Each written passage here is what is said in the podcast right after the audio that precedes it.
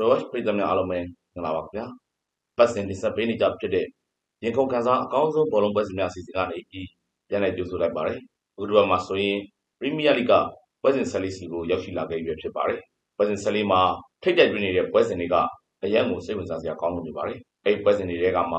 အသင်းကြီးတွေရဲ့ပွဲစဉ်တွေကိုရွေးချယ်ပြီး Roach ပြည်သူတွေအတွက်ရင်ခုန်ခံစားအကောင်းဆုံးဘောလုံးပွဲစဉ်များအဖြစ်သုံးသပ်တင်ဆက်ပေးလိုက်ပါတယ်ခင်ဗျာ Arsenal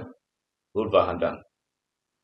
အမှတ်ပေးစရာရဲ့ထိဆုံးနေရာမှာဆက်လက်ရပ်တည်နေနိုင်မှုအတွက်အာဆင်နယ်ကအမှားယွင်းလုံးဝဖြစ်ရလေအောင်လက်ကြီးကြီးထားပြီးကစားလာမှာပါဝူလ်ဗာဟန်တန်ကခြေစွမ်းအတက်ကြလုံးဝမမှန်ကန်ပေမဲ့အသင်းကြီးနဲ့ဆုံရင်အစွမ်းပြရတာကိုလက်ထားပါလိမ့်မယ်နောက်ဆုံးကစားထားတဲ့ပရီးမီးယားလိပွဲစဉ်လေးပွဲမှာဝူလ်ဗာဟန်တန်ကနိုင်ပွဲဆိုလို့တပွဲရဲတာရှာဖွေတွေ့ရှိထားပါတယ်တိုက်စစ်လုံအောင်တော့ကောင်းမွန်နေတဲ့အာဆင်နယ်ဟာ အနေဆုံးဖြစ်ငကိုးပြတ် အနိုင်ယူသွားပါလိမ့်မယ်ခင်ဗျာရှက်ဆီဘရိုက်တန်ဘရိုက်တန်ပွဲပန်းနေတာကိုရှက်ဆီဘက်ကနေ ထိထိရောက်ရောက် အသုံးချနိုင်မှုလိုအပ်ပါတယ် နယူကာဆယ်နဲ့ပွဲမှာ ဂိုးပြတ်ရေးနေခဲ့ရတာကိုရှက်ဆီပြန်လည်ကူစားရပါလိမ့်မယ်ရှက်ဆီဟာ နောက်ဆုံးကစားခဲ့တဲ့ ပရီးမီးယားလိပွဲစဉ် ၅ ပွဲမှာ နိုင်ပွဲဆိုလို့ တပွဲရဲသာ ရရှိထားပါတယ်ဒီလိုဘာလီကစားခဲ့ရတဲ့တန်းကြောင့်ဘရိုက်တန်ဟာ ပုံစံကောင်းရနိုင်မှု သိမလွယ်တော့ပါဘူးအိမ်ကွင်းအားသာချက်ကိုထိထိရောက်ရောက်အသုံးချရမယ်ဆိုရင်ရှက်ဆီကျင်းစီပေါက်ကိုအနိုင်ရရှိပါလိမ့်မယ်။ရှက်ဆီကိုဘောကြနေမိပါတယ်ခင်ဗျာ။လီဗာပူးဖူလန်လီဗာပူးကအကောင်းဆုံးပုံစံကိုရရှိလိုနေပါတယ်။ချန်ပီယံပြည်လန်းထဲမှာအတိမ်ဆောင်ကြီးကြီးမားမားဖြစ်ရလေအောင်လီဗာပူးကစနစ်ကျပြင်ဆင်ထားတယ်ဆိုတာတပွဲထက်တပွဲပိုလို့ပိုလို့သိတာလာနေပါတယ်။ဖူလန်ကတော့ ပြီးခဲ့တဲ့ ဘောလုံးရာသီတုန်းကလည်းရှင်လိုက်ရင် အစစအရာရာရောပါလို့ပါခဲ့ပါပြီ။ဖူလန်ရဲ့ လက်ရှိအနေအထားက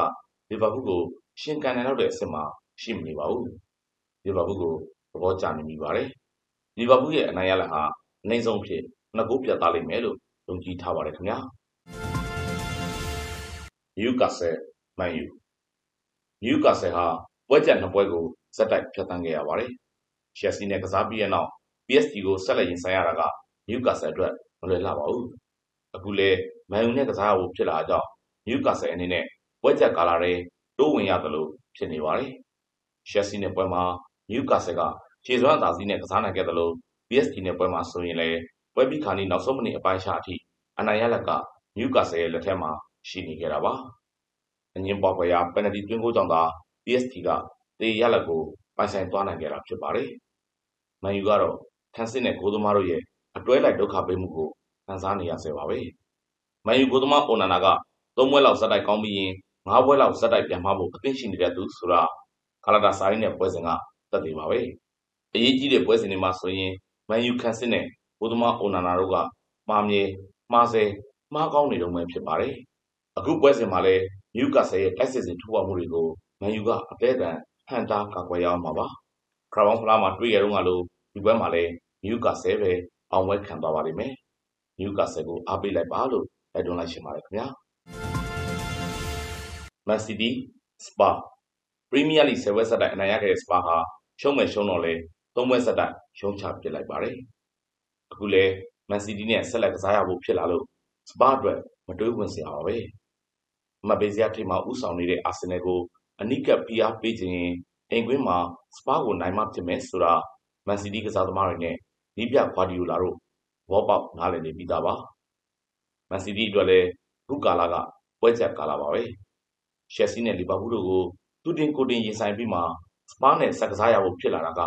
မန်စီးတီးအတွက် ပွဲစဉ်ကြက်တဲလွန်လာပါတယ်။ရှက်ဆီနဲ့ လီဗာပူးတို့ကို သရေသာကန်နိုင်ခဲ့ပြီး အမှတ်ပေးဇယားရဲ့ ထိပ်ဆုံးနေရာကနေ ဖယ်ပေးလိုက်ရလို့ မန်စီးတီးအတွက်လည်း နိုင်ပွဲတစ်ပွဲက ပြန်လည်လိုအပ်နေပါပြီ။နိုင်ပွဲလိုအပ်ချက် ပြင်းထန်နေတဲ့ အသင်းနှစ်သင်း ထိပ်တိုက်တွေ့တဲ့ပွဲဖြစ်လို့ အကျိတ်နဲ့ရှိလာတဲ့ပွဲကောင်းတစ်ပွဲဖြစ်လာမှာပါ။မန်စီးတီးတိုက်စစ်မှုဟာလန်ကိုစပါးခံစစ်မှုတွေကမှားယွင်းမရှိအောင်ထိန်းချုပ်နိုင်လေမလားစပါးတိုက်စစ်ကဆွမ်းအောင်မင်ကို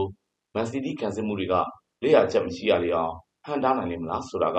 ဒီပွဲကိုအဆုံးဖြတ်ပေးမယ်အဖြေပါပဲမန်စီးတီးပဲအောင်ပွဲခံသွားလိမ့်မယ်လို့ယူဆမိပါတယ်ခင်ဗျာမန်စီးတီးကတ်နိုင်သွားပါလိမ့်မယ်အခုဆိုရင်ဒေါ်ဝက်ရဲ့ တပတ်တာအကောင်းဆုံးဘောလုံးပွဲစဉ်များအစီအစဉ်ကနေပြီးပွဲစဉ်၅ပွဲကိုသုံးသပ်တင်ဆက်ပေးခဲ့ပြီးဖြစ်ပါတယ်ပရိသတ်အားလုံးလည်းကံကောင်းမှုတွေနဲ့ဆုံစည်းနိုင်ပါစေလို့နေရာကနေဆုမွန်ကောင်းတောင်းပေးလိုက်ပါတယ်ခင်ဗျာ